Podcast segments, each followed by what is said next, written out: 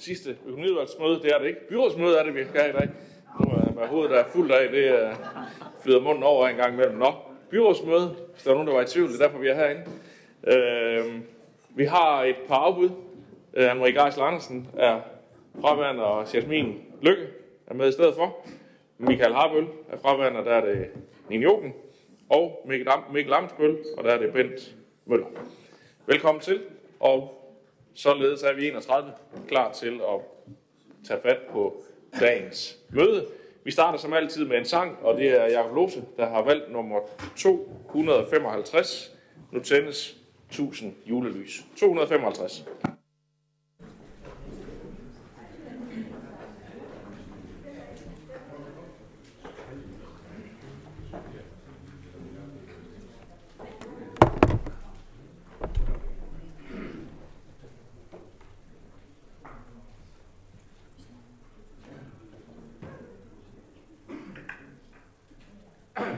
Nu tændes tusind julelys på jorden mørk og rund, og tusind stjerner stråler smukt på himlens dybblå grund. Og over by og land i nat går julens glade bud. At født frelser og Gud. Du stjerne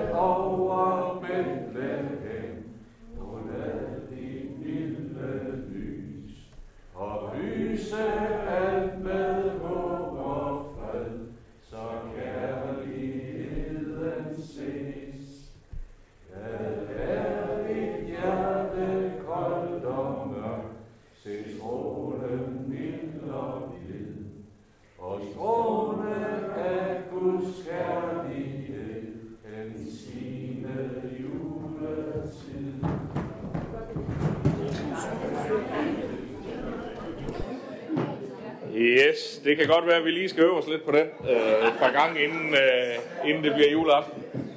Men øh, således kom vi i gang med dagens byrådsmøde.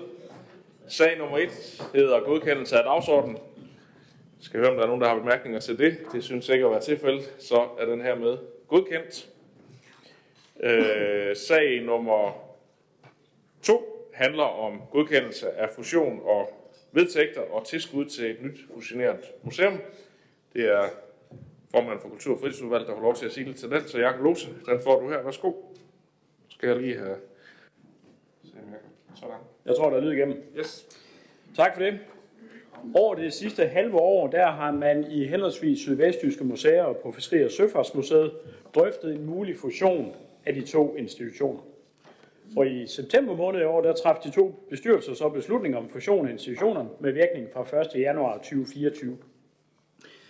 Den her nye fusionerede institution vil blive land, en af landets helt store spillere blandt de statsanerkendte museer med ca. 200 medarbejdere, en årlig omsætning på godt 67 millioner kroner og mere end 300.000 årlige besøgende. Og det vi i byrådet i dag skal godkende, det er så selve fusionen, som afvent, endnu afventer samtykke fra, eller øh, hvad hedder det? Jo, samtykke fra Civilstyrelsen, vedtægterne for det nye museum, og så også til samlet tilskud, som den nye institution vil modtage i 2024. Jeg har fornøjelsen at være formand for Fiskeri- og Søfartsmuseet hele 13 dage nu, og jeg vil ikke øh, lægge skjul på, at jeg har store forventninger til det her nye supermuseum, som vil få stor betydning for Esbjerg Kommune og for hele vores region. Det bliver på mange måder et museum, som kommer til at rave op, og som vil kunne indtage en helt anderledes national rolle, end de to institutioner hver især de kan i dag. Det nye museum vil få en faglig og økonomisk tyngde, som vil ruste det godt til fremtiden, hvor man vil blive mødt af stærkere og stærkere konkurrencer, øh, konkurrence fra andre dele af oplevelsesindustrien, og hvor kvalitet i indhold og opgaveløsning det skal være i top, hvis man gerne vil sælge billetter til gæsterne, og også stå godt efter en kommende museumsreform. Det nye museum vil med de mange dygtige medarbejdere og deres kompetencer inden for indsamling, registrering, bevaring, formidling, forskning, arkeologi og publikumsoplevelser stå et langt bedre sted end hvis man stod alene. Den her hårde konkurrence er et grundvilkår, og derfor så har man også set mange andre steder i landet, at museer igennem årene er blevet fusioneret til større og større institutioner. Og derfor så vil jeg også anbefale byrådet, at vi siger ja til at følge beslutningen om fusion, som man har gjort i både Kultur- og Fritidsudvalg og i Økonomiudvalg. Og så kan jeg selvfølgelig heller ikke lade være med at komme lidt ind på, at der i de lokale medier har været omtalt, at det nye museum muligvis vil nedlægge besøgssteder. Til det tror jeg, det er vigtigt at sige, at det er der af gode grunde ikke truffet nogen som helst beslutning om på nuværende tidspunkt. Sådan dispositioner, det er et anlæggende for den nye bestyrelse, som altså som bekendt først tiltræder her 1. 1. januar, baseret på en samlet strategi for det nye museum, som bestyrelsen først skal til at udvikle. Og vi udpeger i øvrigt her under den, det næste dagsordenspunkt de to byrådsudpegede medlemmer til den kommende bestyrelse. Som øh, selvejende institution, så kan man, har man selvfølgelig øh, hvide beføjelser til at tilrettelægge driften, som man ønsker det, inden for den opgavevaretagelse, der er aftalt med kommuner og stat. Men jeg bemærker dog, at museet modtager en række tilskud, som er bundet op på specifikke aktiviteter. Og hvis museet på et tidspunkt så vælger at ændre i driften, så vil det så også blive et anlæggende for byrådet at se på, om det giver anledning til et tilpasset tilskud. Tak for det. Tak for det. Så er det Ulla Koman Meyer. Tak for ordet. Jamen det kan jo godt være, Jakob, at der ikke er truffet nogen beslutninger. Men strategien er jo i talesat. Og det er sådan set det, der er bekymringer, bekymrende, at når der er en sammenlægning af Fiskeri- og Søfartsmuseet, så afstedkommer det et ønske om at bortskære de øvrige dele af Sydvestjyske Museer. Selvfølgelig skal vi opgradere vores store turistattraktioner, men jeg troede, at vi alle arbejdede for at få flere til at bo i Esbjerg Kommune. I Bramming er der en fin bosætning, og så giver det jo ingen mening at bruge vendingen, at der formentlig skal være driftsmidler til Bramming Ejns Museum. Ejns Museum. Den usikkerhed, det gør intet godt for lokalsamfundene. Tak for ordet. Tak for det, Jørgen Bosen Andersen. Ja. I SF, øh, der går vi ind for fusionen. Det giver god mening øh, i forhold til de to store museer, som Jakob Lose også var inde på. Men det kan også komme til at give store udfordringer, hvis de små museer ikke bliver en del af fusionen. Det drejer sig om Vandtårn i Havnegade, Fiskerimuseet, øh, historiske Kutteri 1, øh, det gamle rådhus i Ribe og Bramming Museum. For at tage Bramming Museum og, og de andre små museer, øh, for de kan nemlig let komme i, øh, i klemme, hvis det skulle ske, at de efterlades på perronen og udelukkende skal drives af frivillige. Selvom det nu meldes ud øh, her i anden omgang, at det skal afsøges, om det er en mulighed for en form for selvstændig drift. Hvad indebærer det så? Det kan man jo godt spørge sig selv om. Bliver det som det var i gamle dage, før fusionen med Sydvestjyske Museer, for eksempel for Brændingens Egensmuseums vedkommende? Jeg ved godt, at øh, i dag er fusionen af de to store, øh, det er det, vi har på dagsordenen. Men øh, hvis de små museer ikke inddrages i spillet, kan det komme til at true deres eksistens. De små museer øh, har også forpligtelse i forhold til samarbejdet med skolerne, som de senere år er blevet en vigtig del af museumsarbejdet. Jeg har selv siddet som formand for Brænding Museum, før vi blev fusioneret med Sydvestjyske Museum. Øh, med, med den begrundelse dengang, at det var det mest sikre måde at overleve på som et lille museum. Nu håber jeg så ikke, at vi bliver slået tilbage til start. Hvis det skulle ske, kan vi ikke forvente, at de små museer kan klare sig uden støtte, enten fra kommunen eller fra det nye store museum som vi ikke kender navnet på endnu. Derfor er det vigtigt at få sagt, at mange er bekymrede for fremtiden, og derfor skal vi sikre, at fusionen ikke skader, men tager vare på de små museer, som spiller en vigtig rolle i de steder, hvor de har til huse i kommunen. Tak for det. Tak for det. Øh, med de indspark, som jo øh, meget havde afsat i, øh, i noget i noget, der også har været skrevet i de lokale medier omkring, øh, hvad nogen øh, har tænkt som en mulighed i den her sammenhæng. Øh, kan man sige det, det lige op i helikopteren igen, så er det jo altså en, en fusion mellem to øh, store museer, vi forholder os til i dag. Og øh, som jeg også hørte hørt Kultur- og fritidsudvalgsformanden sige, så øh, øh, er, det jo, er der ingen beslutninger truffet om noget som helst, og hvis det er den nye bestyrelse kommer og med ønsker om at gøre noget anderledes end i dag, jamen så er det jo noget, der man må drøfte med dem, der betaler pengene, øh, som vi jo er, er hovedparten i, i hvert fald hvis man ønsker at lukke nogle, øh, nogle matrikler fuldstændig. Så jeg tænker, at, øh, at der har vi stadigvæk øh, fra byrådets side øh, øh fat i den lange ende.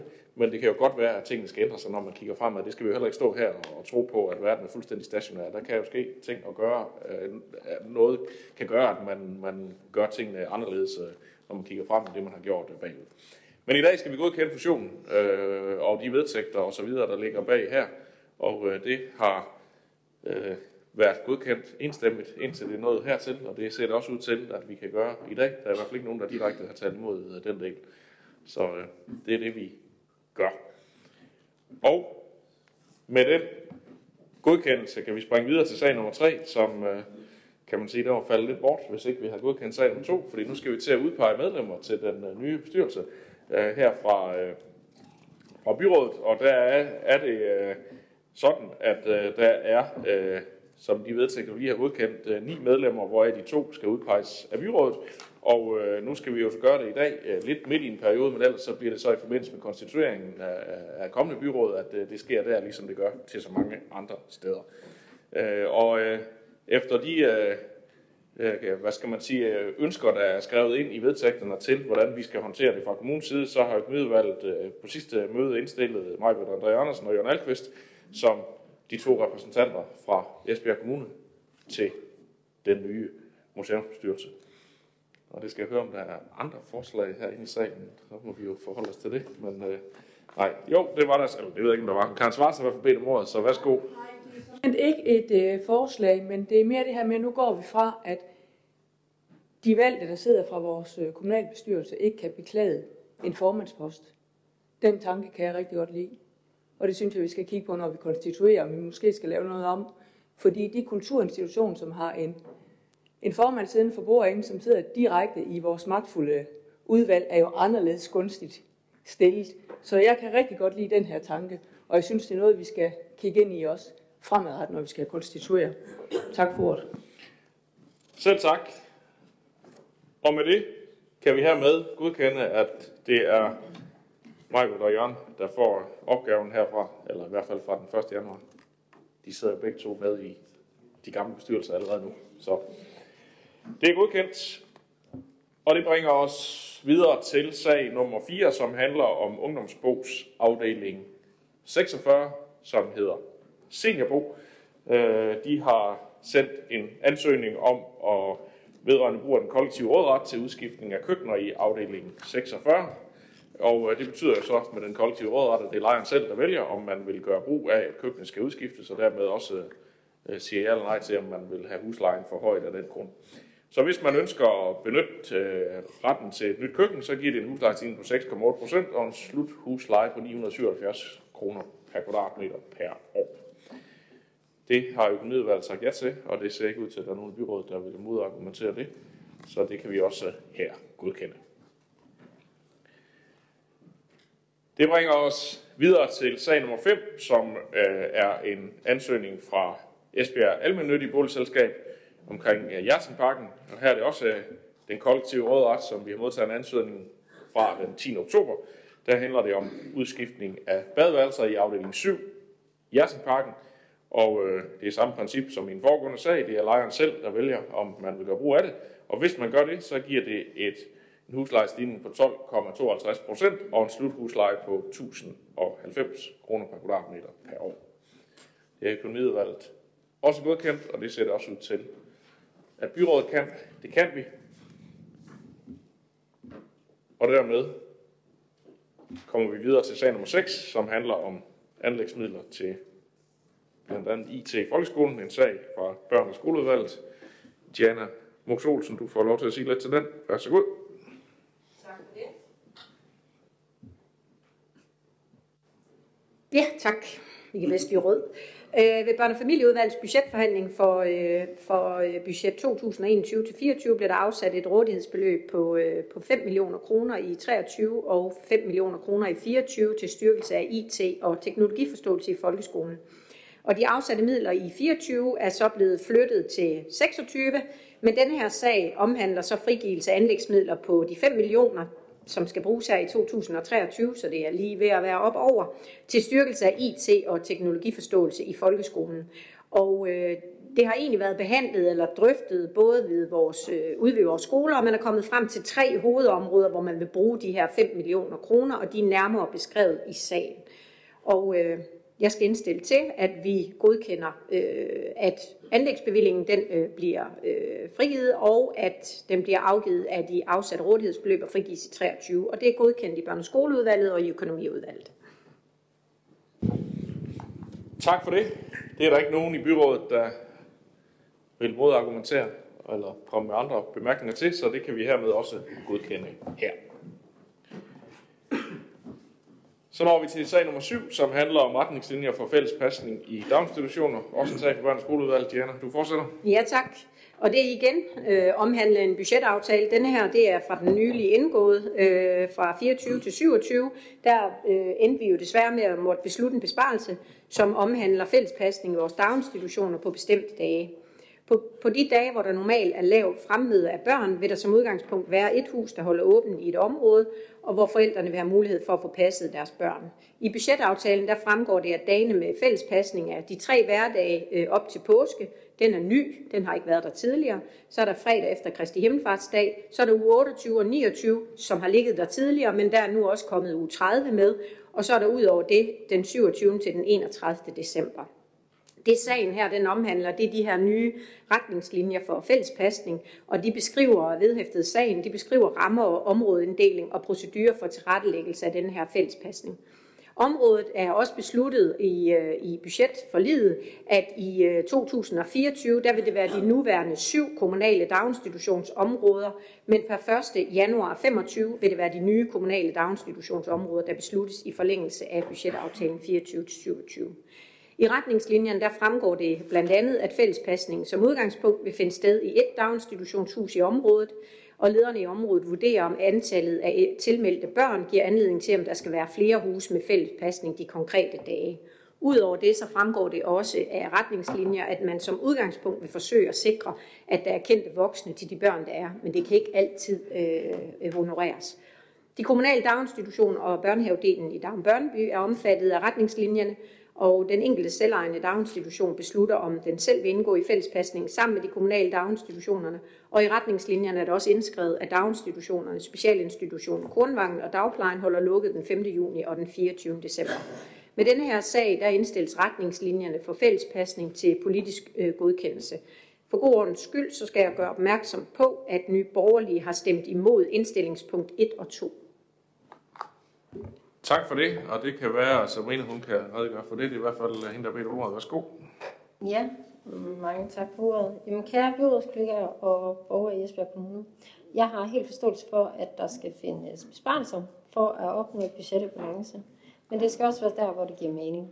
I Nye Borgerlige kan vi dog ikke forene os med, at besparelserne under denne her sags fremlagte forudsætninger bliver til en realitet. Besparelsen findes på pædagoger, men det er endnu, der var endnu ikke til foretaget en konkret vurdering af, eller beregning af, hvordan man må komme frem til besparelsen på 7,5 pædagog, pædagogiske årsværk, da sagen blev præsenteret som budgetbesparelsesforslag. Så forudsætningerne for besparelsesforslaget ved budgetforhandlingerne i september var på ud fra et borgerligt perspektiv mangelfuld, og det har det været siden. Og så er vi i Nye Borgerlige også meget modstandere af, at vi går ind og laver en rammebesparelse, hvor vi trækker besparelsen fra alle institutionernes budget, og ikke der, hvor besparelsen ved de præsenterede retningslinjer vil blive opnået. Hertil fremgår det øh, af retningslinjerne af fællespasning som udgangspunkt vil finde sted i et daginstitutionshus i et område, men lederne i områderne vurderer, om antal af tilmeldte børn giver anledning til, at der kan være to huse med fællespasning i det konkrete dage.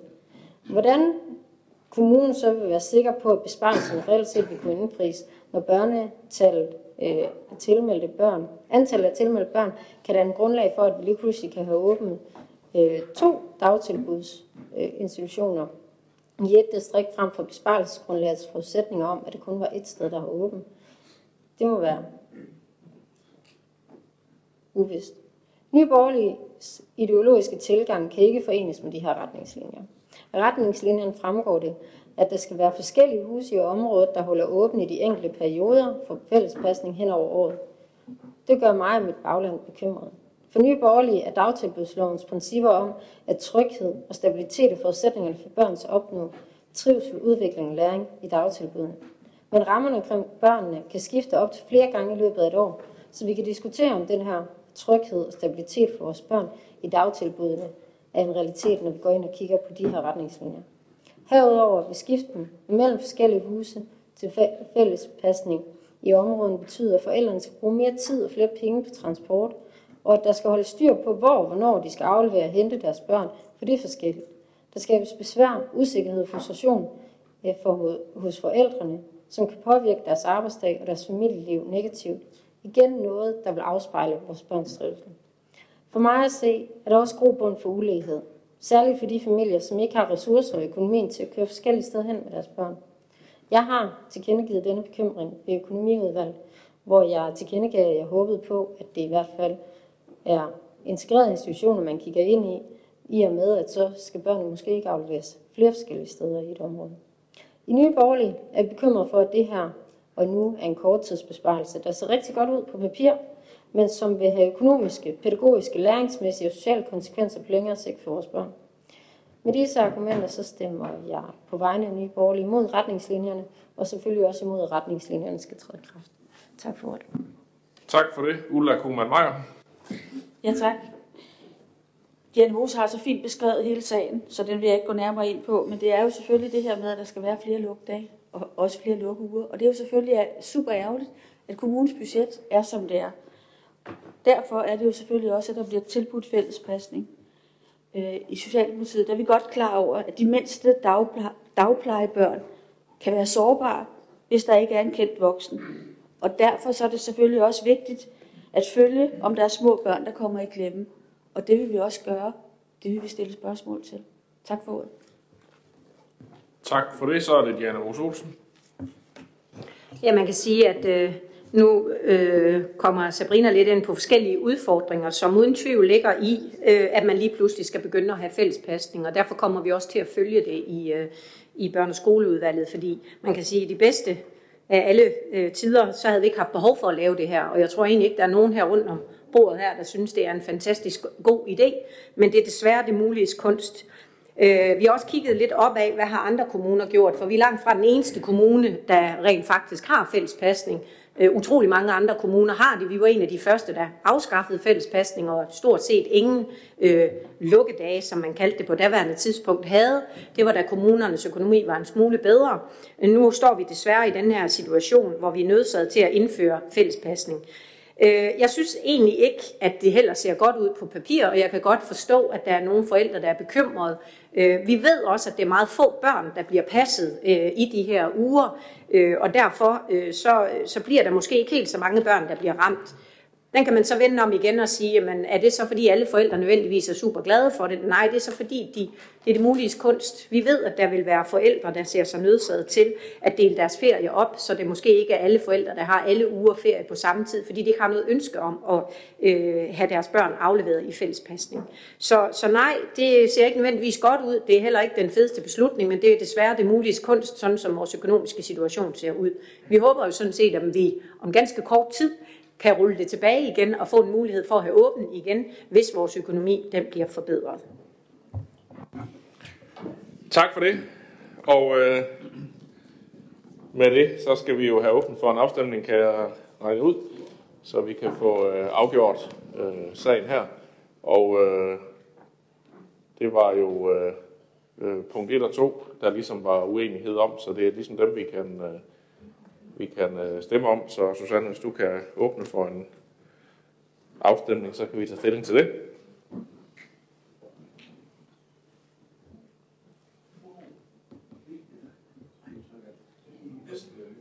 Det var næsten rekord. Øh, 31 stemmer afgivet her. Øh, 30 for og 1 imod. Og øh, det sidste underpunkt, øh, tænker jeg så, at vi kan godkende uden øh, afstemning, fordi det var vi ligesom øh, øh, enige om.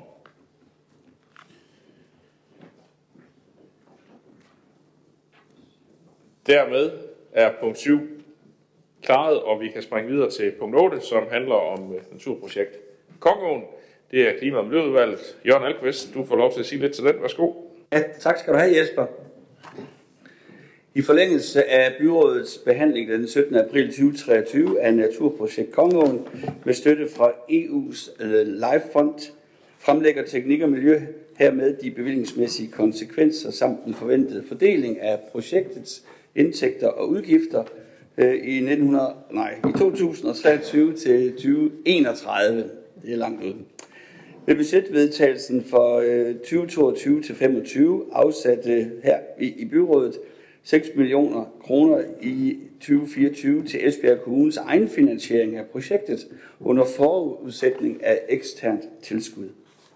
I juli 2023 blev Esbjerg Kommune bevilget medfinansiering af naturprojektet Kongeåen fra EU. EU Life godkendte, at man støtter projektet med op til 58,2 millioner. Det svarer til 67 procent af de ansøgte projektomkostninger.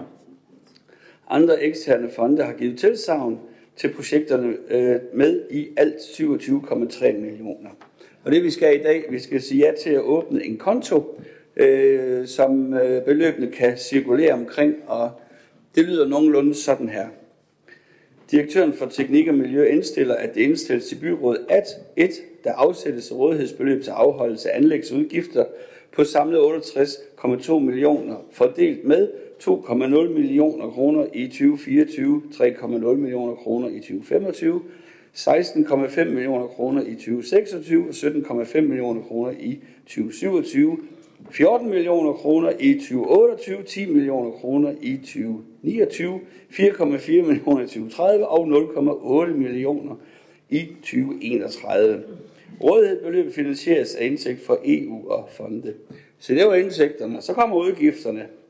Øh, der, afholdes, eller der afsættes rådighedsbeløb til afholdelse af, af anlægsindtægter for EU og fonde på samlet minus 68,2 millioner kroner, fordelt med minus 17,5 millioner kroner i 2023, 29, minus 29,1 millioner kroner i 2027, minus 10 millioner kroner i 2029 og minus 11,6 millioner i 2031. Der meddeles frigivelse af udgiftens bevilling på 68,2 millioner kroner, finansieret af det til formålet afsatte rådighedsbølge inden for perioden 2024 til 2031. Nu har vi haft indtægterne, nu har vi haft udgifterne, så kommer minusindtægterne. Nemlig under punkt 4, der meddeles frigivelse indtægtsbevilling på minus 68,2 millioner kroner, finansieret til formål afsat rådighedsbeløb inden for perioden 2023 til 2031. Der meddeles frigivelse af udgiftsbevilling på 6 millioner kroner, finansieret til formål afsat rådighedsbeløb med 1 million kroner i 2024 og 25 samt 2 millioner kroner i 26 og 27. Indstillingen er godkendt i Klima- og Miljøudvalget og Økonomiudvalget, og jeg anbefaler byrådet at gøre det samme.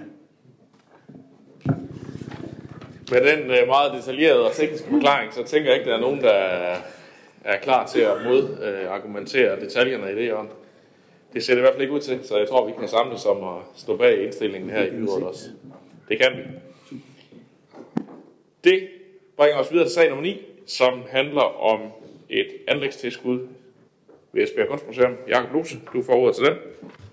Ja, tak for det. Og det strækker sig også over et par år, men ikke helt så mange år, så jeg tror, jeg kan gøre mit forelæggelse en smule kortere end, end Jørgens lige før. Ja, den her sag det er så vedrørende frigivelse af et anlægstilskud til opgradering af skulpturgården på Esbjerg Kunstmuseum. Tilbage i forbindelse med budget øh, 2021 til 24, der blev der afsat et rådighedsbeløb på 2,5 millioner kroner til det formål. Projektet det vil blive gennemført i, i alt tre etapper. Den første etape den er sådan set allerede gennemført, og det var den her smukke hvide mur, som der blev lavet mellem skulpturgården og Havnegade, hvor man kan kigge ind og, og se ind i skulpturgården igennem de her kaleidoskoper, som Ole Fogh Eliasson han har lavet. Anden etape, som er planlagt til 2024, den indebærer opførelsen af en skulpturgård med prismepavillon. Det område det vil blive omdannet til et fleksibelt udstillings- og opholdsrum, der vil kunne anvendes til skiftende udstillinger af kunst, som skal kunne opleves både ovenfra, hvis man går op på taget faktisk, og selvfølgelig også i terræn. Og tredje etape, forventet i 2025, den vil indebære en opførelse af et himmeltag med vindkunst, hvor museet, museets flade tag vil blive udnyttet som udstillingsareal. Så synes jeg også, det er det vigtigt at bemærke, at øh, Esbjerg Kunstmuseum faktisk modtager en flot bevilling på 1 million kroner fra Augustinusfonden, hvoraf de 189.000 kroner de allerede er anvendt. Fondsmidler til resten af, af det her, øh, af de andre to etaper, det beløber sig så til øh, 811.000 kroner, mens finansieringen af tredje etape det vil blive søgt, når anden etape den er blevet færdiggjort. Så alt i alt så øh, står projektet her til anslået og kostet 4,57 millioner kroner, og jeg er overbevist om, at det samlede projekt det vil blive et fantastisk flot løft af Esbjerg Kunstmuseum. Sagen den har været i Kultur- og fritidsudvalget og økonomiudvalget, hvor vi har fuld indstilling, og jeg vil anbefale byrådet at gøre det samme. Tak for det. Det ser ud til, at byrådet også her er enige i, så det kan vi godkende uden afstemning. Vi kommer så videre til uh, sag nummer 10, som handler om kommuneplanændringen for et og lokalplan for et boligområde i Gørning. Henning Ravn, den får du lov til at sige lidt til. Så skal jeg lige se, om jeg også kan få tændt for din mikrofon. Det kører ikke helt så godt i dag. Sådan.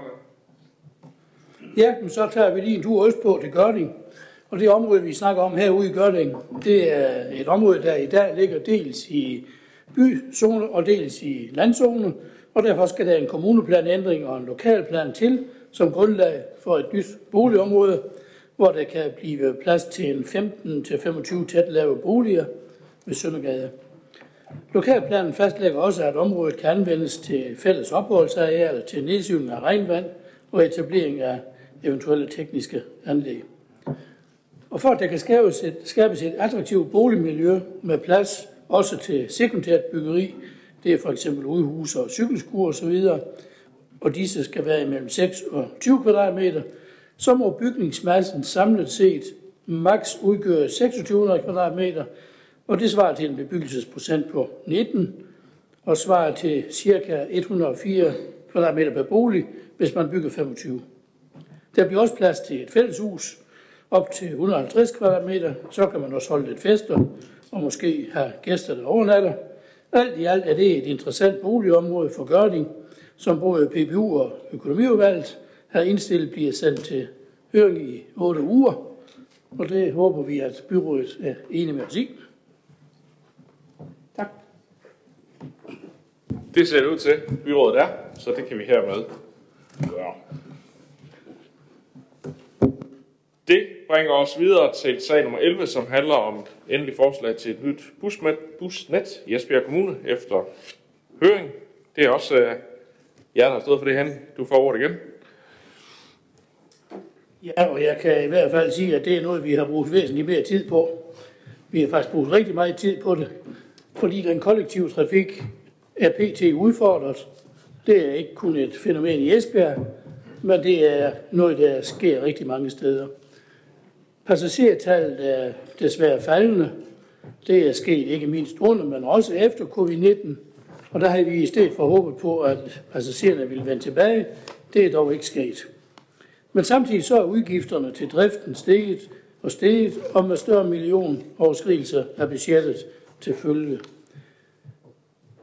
Et bybusnet, der efter billetindtægter ligger på en kommunal udgift på omkring 80 millioner. Med baggrund i disse udfordringer besluttede byrådet den 19. december sidste år at i gang sætte en evaluering og tilpasning af kommunens busnet. Et arbejde, som plan- og byudviklingsudvalget lojalt kastede sig over, og ved hjælp af sygtrafik og ekstern bistand i forening med forvaltningen, har vi afholdt diverse temamøder og andre møder og vurderet på, hvor kommer vi, hvordan kommer vi bedst igennem med et attraktivt busnet. Det resulterede i, at vi fik øh, forelagt tre forskellige scenarier – ud fra nogle betjeningsprincipper, som blev besluttet. Der skal være fokus på det busnet med flest passagerer. Der skal skabes et enkelt busnet, som er nemt at forstå, og der skal etableres direkte linjer med en høj frekvens. Og desuden skal det være muligt at lave tilpasninger både i op- og nedadgående retninger, uden at man dermed samtidig skal til at omlægge nogle ruter. Det kan vi ikke i dag. Plan- og byudviklingsudvalget forelagde det her scenarie 3, der uden de efterfølgende mindre tilpasninger var identisk med den nuværende indstilling for byrådet, der valgte at sende forslaget i 8 ugers offentlig høring. I høringsperioden indkom der ikke mindre end 225 høringssvar. Der var noget læsestof, kan jeg fortælle jer. hvilket gav anledning til enkelte ændringer og justeringer. Rute 245 i den nordlige del af Ribe foreslår vi ændret, så den betjener boligområder og færdselsstyrelsen i Ribe Nord via Sorsivej og Falkevej, i stedet for at følge Industrivej og Nørremarksvej. På den måde kan vi også betjene nogle af de beboere, der bor ude i de øh, områder i Nørremarken. Der foreslås også mindre tilpasning tidsmæssigt for rute 10, blandt andet af hensyn til borgere, der skal møde på jobcentret på Energivej, og for rute 14's vedkommende, så ankomsttidspunktet passer med ringetider hos Rødblås. Der var også øh, i høringsvarene skepsis for, hvordan øh, enkelte, øh, eller måske flere, beboere ude i landdistrikterne nu vil kunne blive betjent. Og derfor så har vi også besluttet, at vi vil få lavet en undersøgelse om en takstdifferentiering af flexture og flexruter, Hvorvidt er det en mulighed, som vi senere kan få op til politisk behandling. Men det er så noget, man kommer til at arbejde med nu. Det er min og udvalgs opfattelse, at vi er på den rigtige vej, fordi Trafikstyrelsen har i hvert fald tildelt Esbjerg Kommune 2.165.000, og det er helt nyt, det er faktisk fra i dag, fra øh, busfremkommelighedspuljen. Så det tyder jo på, at vi har gjort noget rigtigt, når vi har søgt penge til det her. Det her det er så alt sammen endt med en indstilling, der lyder således. Det tilpassede scenarie 3 godkendes. Der afsættes 100.000 årligt til ruteændring på linje 245 i Ribe. Der laves mindre tilpasninger på rute 10 og 14, og de indarbejdes i bybusnettet. Teknik og miljø og sygtrafik undersøger nærmere om takstdifferentiering af flekstur eller fleksruter er en mulighed med henblik på en senere politisk behandling. PBU besluttede, at de 0,1 millioner afholdes inden for eksisterende budgetramme i 2024, samt indarbejdes i det tekniske budget fra 2025 til 28. Økonomiudvalget var enige med PBU, men har en tilføjelse til beslutningen, nemlig at der for at imødekomme udfordringer med skolekørsel afsættes kroner 100.000 til forlængelse af linje 12, og en forlængelse af linje 11 fra Lufthavn til Vesternebel, den dermed annulleres. Der afsat 50.000 til forlængelse i 20, de 50.000 til forlængelse i 2024 afholdes inden for den eksisterende budgetramme, og de efterfølgende 100.000 indarbejdes i det tekniske budget for 2025 og frem.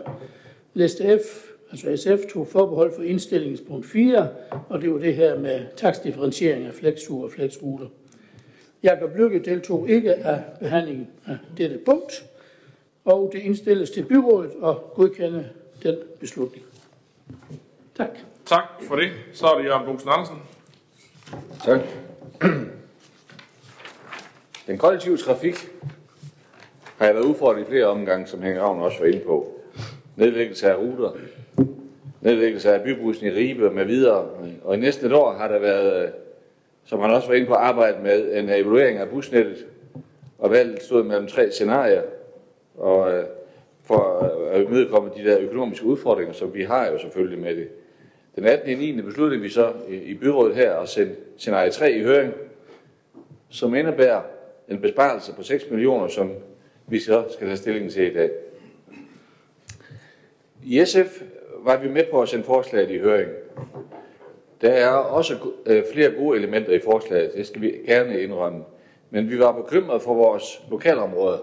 Det var vi også udtryk for dengang, som bliver ramt hårdt af omlægningen.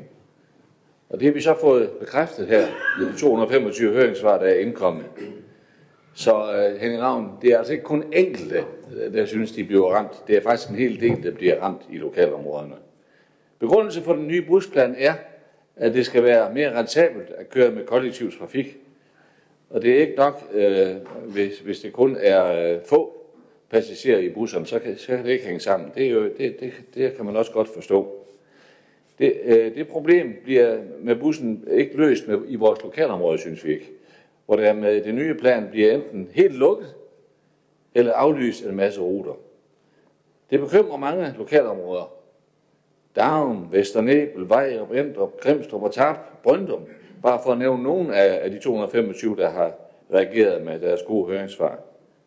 Jeg har øh, fremdraget et par eksempler øh, fra høringssvarene. Øh, for eksempel en fra Vesternævl, der siger, at nedprioriteringen af den offentlige transport er i direkte modstrid med den trafik- og mobilitetsplan, vi blev præsenteret for for nylig, og er inviteret til at komme med input til. Flere i landsbyen skal anskaffe sig bil nummer to for at kunne passe job og fritidsaktiviteter. Uden offentlig transport vil børn, unge og ældre være afskåret fra at deltage i sociale aktiviteter i Esbjerg om aftenen. En flextaxa koster 75 kroner til Esbjerg, og det er for dyrt for mange. Så har jeg taget et eksempel mere med en ung fra Darmen, jeg forstår, at der er behov for at stramme op om, med henblik på at tilpasse de økonomiske rammer øh, på den offentlige transport. Men færre afgange i hverdagene og ingen afgange i weekenderne vil have store konsekvenser for børn og unge og ældre. Jeg selv bor på et bosted, og den foreslåede reduktion vil direkte påvirke mulighed for at komme hjem på weekend og besøge mine venner og familie og deltage i mine fritidsaktiviteter. Så det var så bare et par eksempler. Jeg kunne have kommet med mange flere eksempler. Jeg tog de her to med. Så derfor er vi stadig bekymret i SF for lokalområderne med den her busplan. Vi skal gøre det bedre. Vi skal prøve at imødekomme udfordringerne. Derfor kan vi følge øh, punkt øh, 1, 2 og 3 i indstillingen. Altså 1 om at tilpasse scenarie 2, øh, om at tilpasse scenarie 3, og to, øh, det er 1 million ekstra til ruteændringer på 2,45 i Ribe Nord, og punkt 3, mindre ændringer på rute 10 og 14 indarbejdet i by, by, bybusnettet. Og så er der den sidste med, øh, med skolebussen i, øh, hvad hedder det, i øh, Vesternævn, også OK. Til gengæld er vi ikke tilfredse med formuleringen i punkt 4. Teknik og miljø øh, og, og, og sygtrafik undersøger, om trafikdifferentieringen af flextur er en mulighed med senere øh, henblik på en politisk behandling. Vi synes ikke, det er helt trygt nok. Øh, det er øh, alt for usikkert, hvis vi skal med i aftalen, skal lokalområderne vide, hvad de har muligheder her og nu, og senest i forbindelse med den nye busplan, der træder i kraft. Ellers er vi bange for, at det går i glemmebogen. Så derfor har vi et ændringsforslag, som jeg lige vil læse op her. Hvis jeg, der var den. Forslaget består af to områder, A og B. A. Alle unge, altså det er i stedet for 4'eren, det er et alternativ til 4'eren. A. Alle unge, der i dag betaler et rejsekort til uddannelsesstederne, skal fortsat køre frit med bussen, som nu. Og derudover have mulighed for at tage en flex ung taxa som en del af busprisen, de jo har betalt, så fremt det er øh, uden for busafgangstiderne efter kl. 18 i hverdag og i weekender, hvis de har brug for offentlig transport der. B. En videre nedsætter prisen på flextur, så den bliver sammenlignelig med en busbillet. De to ændringsforslag vil vi meget gerne øh, have en vurdering af, om hvad byrådet siger til det. Tak for det, Jørgen. Øhm,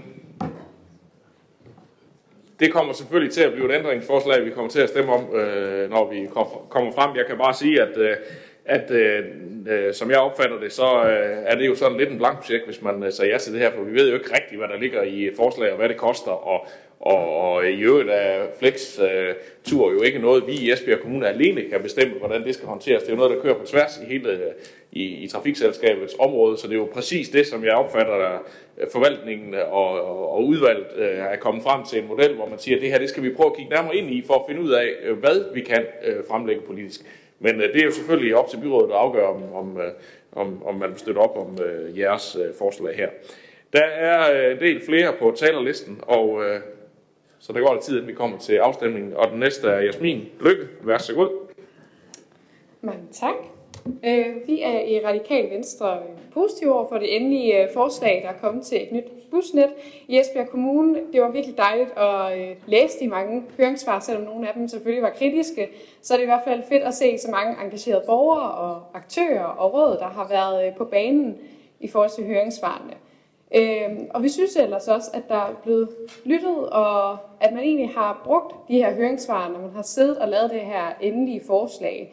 Det har vi i hvert fald kunne se, øhm, og det er vores forståelse af det nye busnets øh, ruter vil være lettere at kunne øhm, ændre eller tilpasse med tiden. Øhm, og det synes jeg selvfølgelig er positivt, så der er en mulighed for at ændre det øh, i forhold til hvis nu, at, øh, at der ikke kommer positive ændringer i forhold til passagerdata. Jeg vil dog lige nævne, at jeg synes, det er rigtig ærgerligt, at øh, tilgængeligheden fortsat er et problem for borgere med et handicap eller gangbesvær. Vi har jo en øh, sag, næste sag på listen, som er handicappolitikken, hvor der også er lagt vægt på, at øh, der skal være tilgængelighed for alle i Esbjerg Kommune, og det synes jeg ikke, at man kan se i forhold til vores busnet i Esbjerg Kommune. Der er et problem i forhold til, at øh, vores øh, ramper ikke er automatiseret, de er manuelle, og det er vores forståelse, at buschaufførerne, hvis ikke kan betjene den, så at man er afhængig af at kunne have en ledsager med, hvis man har et handicap eller et gangbesvær, og ikke selv har mulighed for at betjene rampen. Det synes vi selvfølgelig er ærgerligt, fordi at i vores strategi og en politik i vores kommune er, at man som øh, borger med et handicap eller gangbesvær skal være så selvhjulpen som overhovedet muligt, og det også giver en øh, uafhængighed, øh, som man kan have, når man færdes rundt i kommunen. Og jeg synes også, at man skal få kigget på vores stoppesteder rundt i kommunen. Der er vist et problem med, at øh, hvad hedder det nu, når man kommer fra stoppestedet og så ind i bussen, at der kan være et rigtig højt trin, og det kan være rigtig svært for vores ældre og gangbesværet. Og igen også, hvis man har en form for handicap. Så det håber jeg selvfølgelig, at man vil kigge nærmere på, men ellers så er vi positivt stillet i Radikale Venstre øh, for det her endelige forslag. Tak. Tak for det. Så er det Sabrina Bæk Rasmussen. Mange tak for ordet. Grunden til at rejse mig, det er faktisk i uh, anledning af, at jeg vil gerne uh, rose dem, der er kommet med høringsfarne, fordi at uh, jeg har jo ikke siddet i uh, byrådet, dengang man besluttede at nedlægge en skole. Men det er der jo nogle andre, der har, og alligevel så kan man uh, komme til at overse, at øh, uh, skolekørselen lige pludselig bliver nedlagt i sådan et forslag her. Så tusind, tusind tak til alle dem, der har valgt at give deres besøg med, så der er vi ikke fejlagtigt at komme, ville komme til at, træffe beslutninger om øh, busændringer, der jo er til for dem, der så skal anvende i skoleregi. Øh, I forhold til ændringsforslaget, så, øh, så er jeg bare tilkendegive, at øh, det, det bliver en blankocheck, fordi at i forvejen så er flekstrafik noget af det billigste, du kan anvende i dag. Det er noget, hvor at øh, vi udkonkurrerer den almindelige øh, erhvervsdrivende hvad hedder, taxichauffør. De har sikkert et pænt navn. Øh, men øh, taxichaufførerne, de vognmændene, de øh, oplever faktisk et øh, stort fald i antal kunder, fordi at flekstrafikken den er væsentligt billigere, og det er kommunerne, der er med til at betale for den her besparelse, borgerne de oplever. Og så når vi kigger ind i de unge, vi behøver heller ikke at opdrage dem til at skulle køre os alle vegne. De må også godt hoppe på jerncyklen, eller på jernhesten, som vi kalder det, på cyklen. Fordi så imødekommer vi da i hvert fald også vores sundhedsfremmestrategi, som vi også har vedtaget her i Tak. Tak for det. Så er det Henning Ravn. Jørgen, jeg vil godt medgive dig, at øh, det her det medfører selvfølgelig ulemper for nogen, men det medfører forbedringer for langt flere. Vi har jo været igennem det her rigtig mange gange. Der er stillet et utal af spørgsmål til sygtrafik og de eksterne, øh, der har arbejdet med det her. Selvfølgelig er der nogle ulemper, men der er mange fordele, fordi vi prioriterer vores uddannelsessøgende blandt andet, og vi prioriterer, at der er mulighed for at benytte offentlig transportmiddel til at få arbejde. Når du siger, at der er mange, der kommer til at blive ladt i stikken, for eksempel om aftenen, så må jeg bare sige til dig, Jørgen, jeg ved ikke, hvem de mange de er, for vi kender tallene for dem, der kører med bus i dag. Dem får vi ved sygtrafik, og når vi ser buslinjer, hvor det en, to passagerer, det er altså i min verden ikke mange. Men jeg siger ikke, at det ikke er nogen, fordi det er der. Og så kan du ikke have tillid til det arbejde, vi vil lave med hensyn til, til flexture, fordi vi er bare nødt til at have tingene undersøgt ordentligt. Vi kan ikke bare sidde her nu og sige, at nu halverer vi prisen for at køre med flex-tur. Sådan fungerer tingene ikke. Men jeg er helt tryg ved, at Sydtrafik nok skal gennemarbejde det her og komme med nogle løsningsforslag, som vi så politisk kan tage stilling til bagefter. Øh, I forbindelse med den her, øh, det nye busnet her, der skal der øh, laves nogle nye busstoppesteder, og man kigger selvfølgelig også på de andre busstoppesteder, men vi kan ikke og har ikke penge til at ændre på samtlige bussteder lige på en gang. Men der er altså oversat 6 millioner i øh, budgettet til de nye busstoppesteder, vendepladser og videre. Og så er vi altså så heldige, at vi fik lige de der 2,1 millioner. Og de der ramper, dem har vi jo diskuteret rigtig, rigtig mange gange. Og det var også et punkt, som øh, var inde i overvejelsen, dengang vi skulle have de nye elbusser, og der blev spurgt, der blev spurgt til chauffører og så videre, også de andre steder, og svaret var bare, det bliver brugt for bagsende lidt, men øh, hvis der er en eller anden, der kommer med x antal millioner, så kan de da godt øh, installeres. Mm, men jeg har dem ikke i mit udvalg i hvert fald. Beklager. Nej, og bare lige for at tage den del, hvad skal jeg sige, ud af snakken nu her, så er det jo lidt en anden øh, snak end, end selve rutenettet, som er det, vi skal behandle i dag. Det er ikke, fordi det ikke er relevant, men, men øh, lad os prøve at holde øh, snakken på, om, om by, by, busnettet det er, som det skal være, og hvis vi kan finde penge til at forbedre den anden del på et tidspunkt, så er det selvfølgelig noget, som vi kan, øh, kan, kan drøfte. Hans Erik Møller er den næste. Værsgo. Ja, tak. Og øh, det er rigtigt, vi har før diskuteret de her rammer, og det tror jeg også, vi er meget opmærksom på i, øh, i fagudvalget. Øh, jeg vil dog sige, at øh, de, busserne kan jo altså sænke sig. Øh, så ramper det når vi snakker kørestol og det, men, men handicappet og, og svært gående og sådan noget, der kan bussen altså sænke sig ret meget. Det, det er ærgerligt, hvis øh, chaufføren glemmer det. Så vil jeg lige sige, øh, det er rigtig Henning, at øh, at vi har jo virkelig faldt i passagertallet under corona, og energipriserne steg jo helt, helt vildt. Og de er jo slet ikke kommet op på højde endnu. Jeg synes bare næsten, du vil citere at lyde som om, at det så er et konstant, de ligger ned på det. Altså, det er jo begyndt at heldigvis gå fremad med passagertallene, men ikke op på det samme niveau, og energipriserne er selvfølgelig også øh, gået nedad.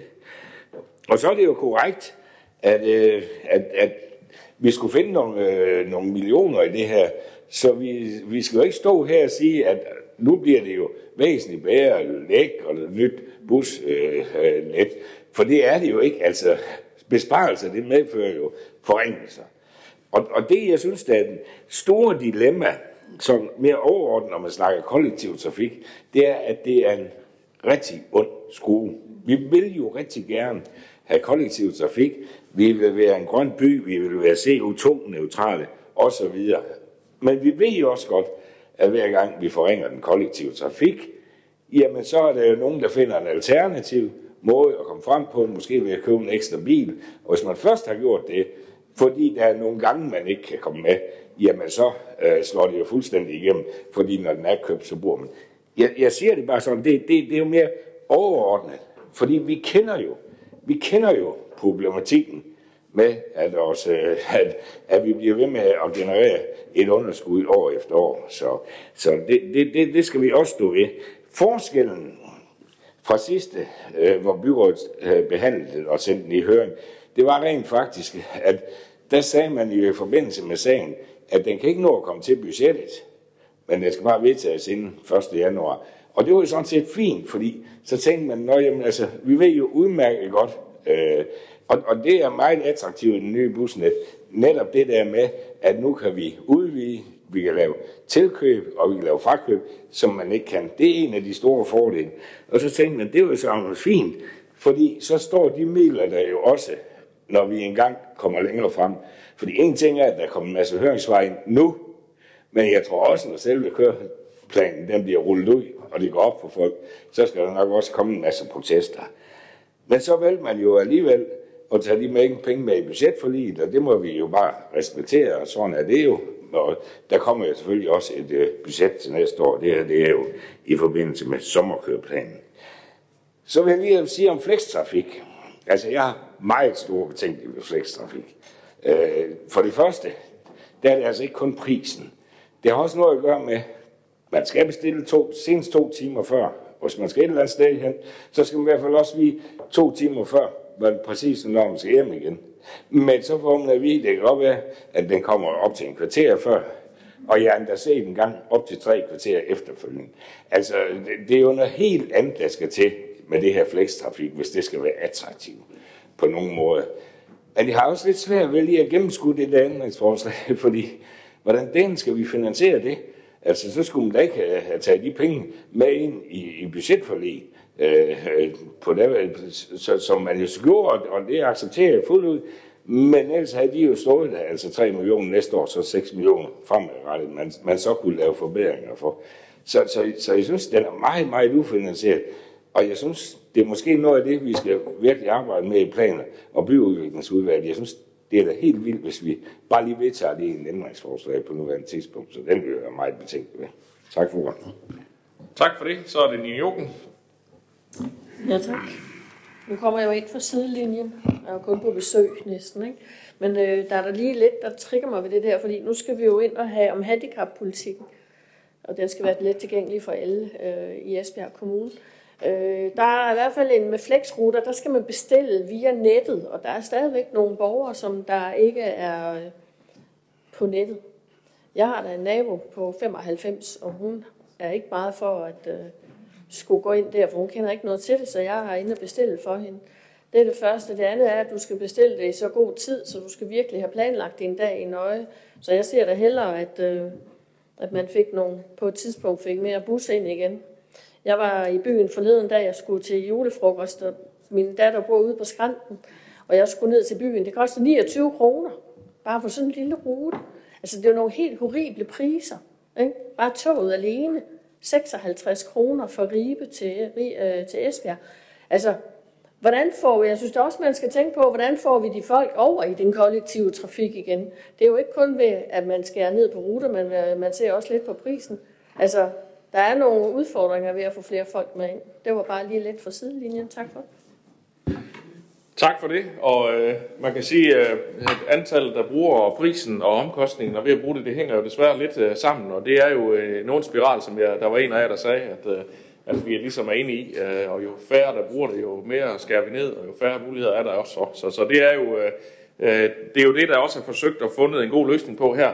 Og jeg synes, det er vigtigt at understrege, øh, når vi nu om lidt øh, får godkendt øh, det her, så har vi jo et et rutenet, som også er fleksibel, som det kan godt være, at han siger, at vi ikke har afsat pengene i budgettet, men, men nu har vi i hvert fald et net, hvor det rent teknisk er muligt at gøre nogle ting, og hvis der er penge til at gøre noget, så kan man jo, så kan man jo gøre det. Man kan både skrue op og ned, også de steder, hvor der måske ikke er så mange passagerer, som man havde forventet, så kan det jo være, at, at der skal flyttes lidt rundt, når man kommer længere frem, men det må tiden jo vise. Det er i hvert fald Øh, en vigtig del af det net, vi kommer til at godkende. Og det med flextur, ja, Øh, det er jo sikkert ikke øh, ideelt øh, for, øh, for alle. Det er jo lidt en mellemting imellem en, en busforbindelse og ringe efter en taxa. Øh, men øh, det er jo et, øh, øh, synes jeg, et rigtig fint alternativ de steder, hvor der, hvor der ikke er grundlag for, at der kører en bus. Og det er jo derfor, at man bruger det her element øh, de steder, hvor det nu kan. Det kan man jo ikke gøre derinde, hvor bybusserne kører i Esbjerg. Det har vi jo, vi, vi har jo, det har vi jo fravalgt, men, men andre steder øh, er det jo så en mulighed i, i resten af kommunen. Jørgen Bosen Andersen har lige bedt om ordet igen, så du får den her. Jamen, jeg kan da kolde lidt i forlængelse af borgmesteren, fordi jeg er faktisk enig i, at øh, Henning, du siger flere gange, at øh, jamen, to passagerer og fire passagerer, det, det, er ikke, øh, det er ikke rentabelt, og det er jeg da sådan set enig med dig i. Det kan, det kan være meget svært at få økonomi i det. Men det er også derfor, at, at, at jeg øh, argumenterer lidt for flekstrafik i stil med det, borgmesteren er inde på, at det kan bruges de steder, hvor der ikke er, er, er passagerer nok. Der kan det være en rigtig Øh, det er ikke en optimal løsning, men det kan være en god løsning, øh, som man kan bruge i stedet for. Og øh, derfor synes jeg bare, at det, det, øh, det skal vi prøve at komme i gang med. Og jeg er da også enig med Hans Erik i, at det skal, det skal være måske øh, mere fleksibelt, så det ikke bare er flekstrafik, men en mere fleksibel flekstrafik, vi får, så det er ikke så bundet af to timer der og kvarter der, og hvordan man kan nå for det hele til at hænge sammen. Og så kunne man jo også lave sådan en ordning, så man prøver at sætte det i gang, og så evaluere det efter et eller to år og se, hvordan har det så været både økonomisk, og hvordan er brugerne tilfredse med at køre i det. Det var måske også en mulighed. Det har I sikkert allerede snakket om i udvalget. Men derfor vil vi sådan set gerne have, have det sat i gang nu her, samtidig med busplanen med den blækstrafik. Yes, vi kommer til at tage jeres ændringsforslag, når vi lige er færdige med talrækken, og lige nu er der kun én på, så det kan være, at det er lige om lidt. Carsten Deinbogen. Ja, det var Jørgen, der lige provokerer mig lidt. Jørgen, øh, det, det er på et oplyst øh, grundlag, vi har vurderet det, vi nu engang har vurderet i udvalget. Øh, og jeg vil sige, øh, flex er, vi har rigtig mange flex-tilbud øh, i Esbjerg Kommune, rigtig mange endda. Så der er en fleksibel måde at gøre det på, på mange, i, i forhold til mange afgange.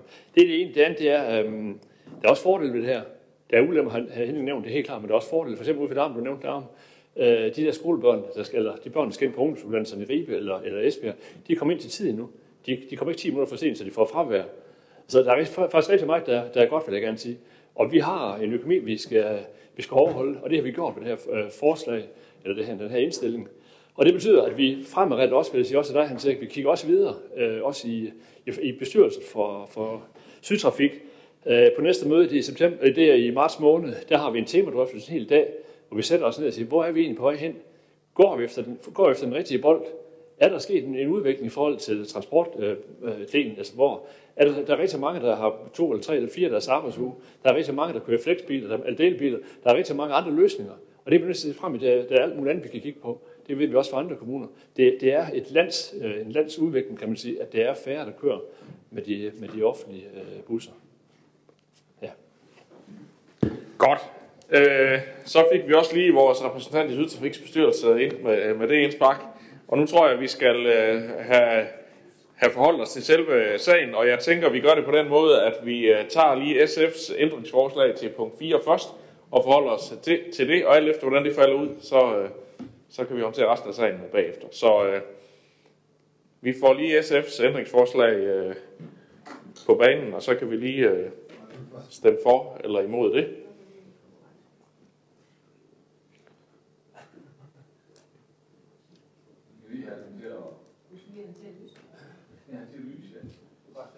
Det gik godt sidste gang, Jørgen, så må det ikke, må det ikke du kan være med her også.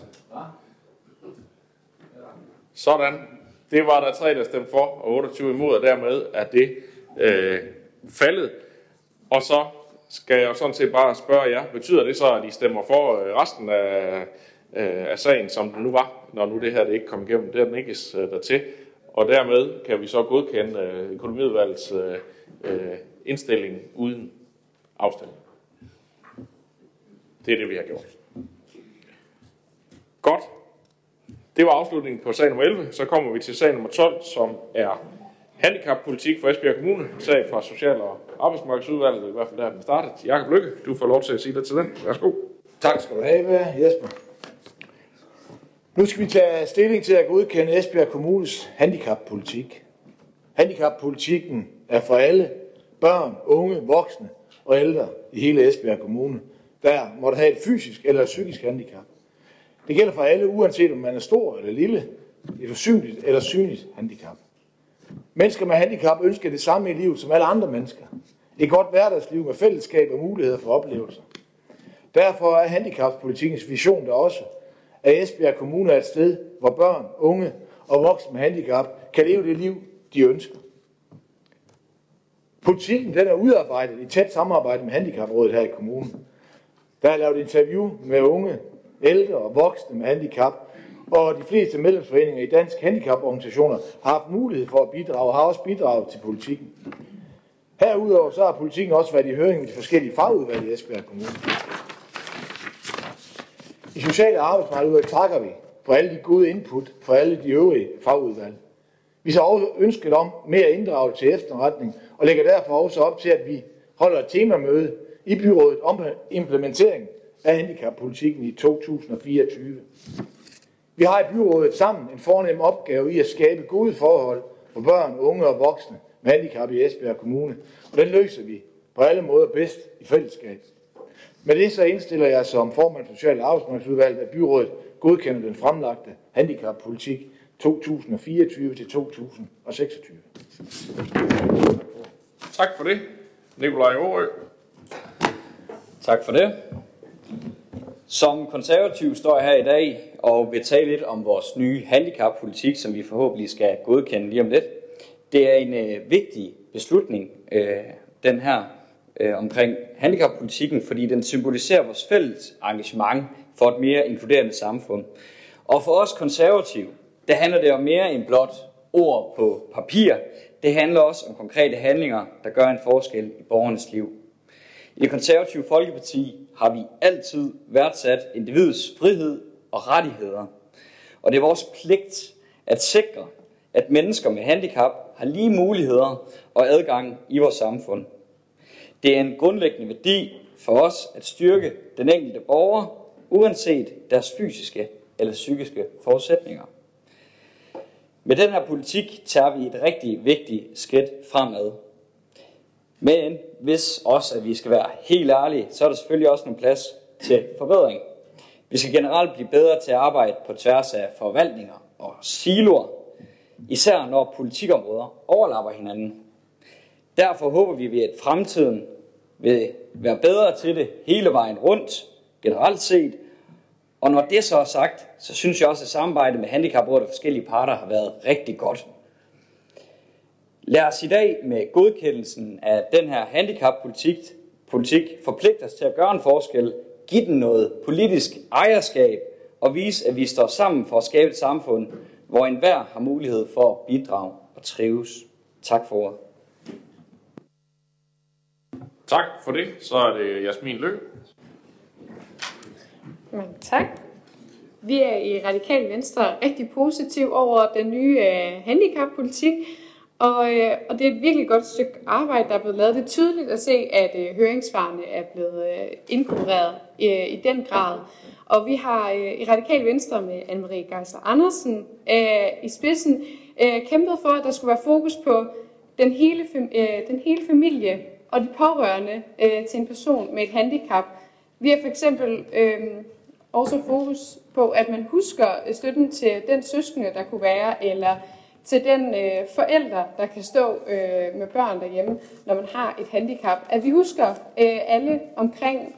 Og derudover vil, jeg, derudover vil jeg også sige, at jeg synes, det er virkelig positivt, at øh, vores nye ungebyråd er kommet med deres øh, bidrag og perspektiv på den her handicappolitik. politik jeg synes, det er virkelig fedt, at vi har fået et ungt aftryk, også i de øh, udtalelser, som står øh, hvad hedder det nu, i vores øh, handicappolitik. Og jeg glæder mig også til at se, øh, hvad de ellers øh, kommer med. Mange tak. Tak for det. Så er det Sabrina. Mange tak for ordet. Jamen, I Esbjerg Kommune der arbejder vi med en helhedsorienteret indsats, der tager afsæt i en evidensbaseret og relationel tilgang med fokus på empowerment og rehabilitering. I Esbjerg Kommune skal mobilitet og tilgængelighed sættes højt på dagsordenen. Kultur og oplevelser som fritidsliv skal være mangfoldigt og muliggøre, at borgere med funktionsnedsættelse og handicap kan deltage på lige fod med alle andre. For det siger handicapkonventionerne, at vi skal, og det er grundlaget for den danske lovgivning inden for voksenhandicapområdet. Vi skal i dag vedtage en handicappolitik, som er blevet til efter et ønske fra Handicaprådet tilbage i sidste byrådsperiode. Flere af de andre udvalg mangler medindflydelse og inddragelse i processen omkring udfærdelsen af handicappolitikken. Og det er meget muligt, at jeg ikke lige udtrykker jubel og begejstring, men det bunder simpelthen i, at vi bruger rigtig mange ressourcer og meget energi på et papir her, som intet er værd uden handlinger, mærkbare handlinger. Jeg har tillid til, at politikken forankres hos vores medarbejdere i det daglige. Og derfor ser jeg frem til, at vores politik kommer ud og blomstre, ligesom pejlemærkerne har gjort hidtil. Tak for det. Tak for det. Der er ikke flere på talelisten, så med det kan vi samles om at godkende handicappolitikken med, med de bemærkninger, der er indarbejdet fra både social arbejdsmarked og økonomiudvalget. Dermed kommer vi til øh, sag nummer 13, som handler om beredskabsplan for æresrelaterede konflikter og social kontrol. Også en sag for Social Arbejdsmarkedsudvalget. Jakob, du får ordet igen. Vær så god. Ja, tak for det, Jesper. Med barnets lov skal kommunerne etablere beredskab og vedtage beredskabsplaner vedrørende negativ social kontrol og æresrelaterede konflikter. I dag præsenterer Esbjerg Kommunes det, der hedder beredskabsplan for social negativ kontrol og æresrelaterede konflikter til jeres godkendelse. Den plan er udarbejdet på tværs af to forvaltninger, henholdsvis børn og kultur og borger og arbejdsmarked, og i samarbejde med repræsentanter for kommunale enheder og eksterne partnere, herunder uddannelses, ungdomsuddannelser, politi, FGU og bydelsprojekt 3 i 1. Det, at byrådet i dag skal vedtage beredskabsplan for æresrelaterede konflikter og negativ social kontrol, handler ikke kun om at opfylde lovgivningskrav, men om at tage aktivt ansvar for borgernes sikkerhed og ikke mindst trivsel i Esbjerg Kommune. Beredskabsplanen er et nødvendigt redskab til at adressere og håndtere komplekse udfordringer, som æresrelaterede konflikter og negativ social kontrol er. Vedtagelsen af denne plan skal markere en proaktiv tilgang til at beskytte borgere i sårbare situationer, uanset alder, køn og etnicitet. Med vedtagelsen af denne plan sender vi et klart signal om, at Esbjerg Kommune er dedikeret til at skabe trygt og inkluderende miljø for alle borgere i kommunen. Børn og skoleudvalg og social- og arbejdsmarkedsudvalg indstiller til byrådet, at beredskabsplan for æresrelaterede konflikter og negativ social kontrol godkendes. Tak for ordet. Tak for det. Det er der ikke øh, andre, der har ønsket ordet til, så det kan vi hermed stå sammen om at gøre. Og det bringer os videre til sag nummer 14, som handler om byggeregnskab for nogle boliger på Grundvangen. Også en sag for Social Arbejdsmarkedsudvalget. Jacob, du får ordet igen.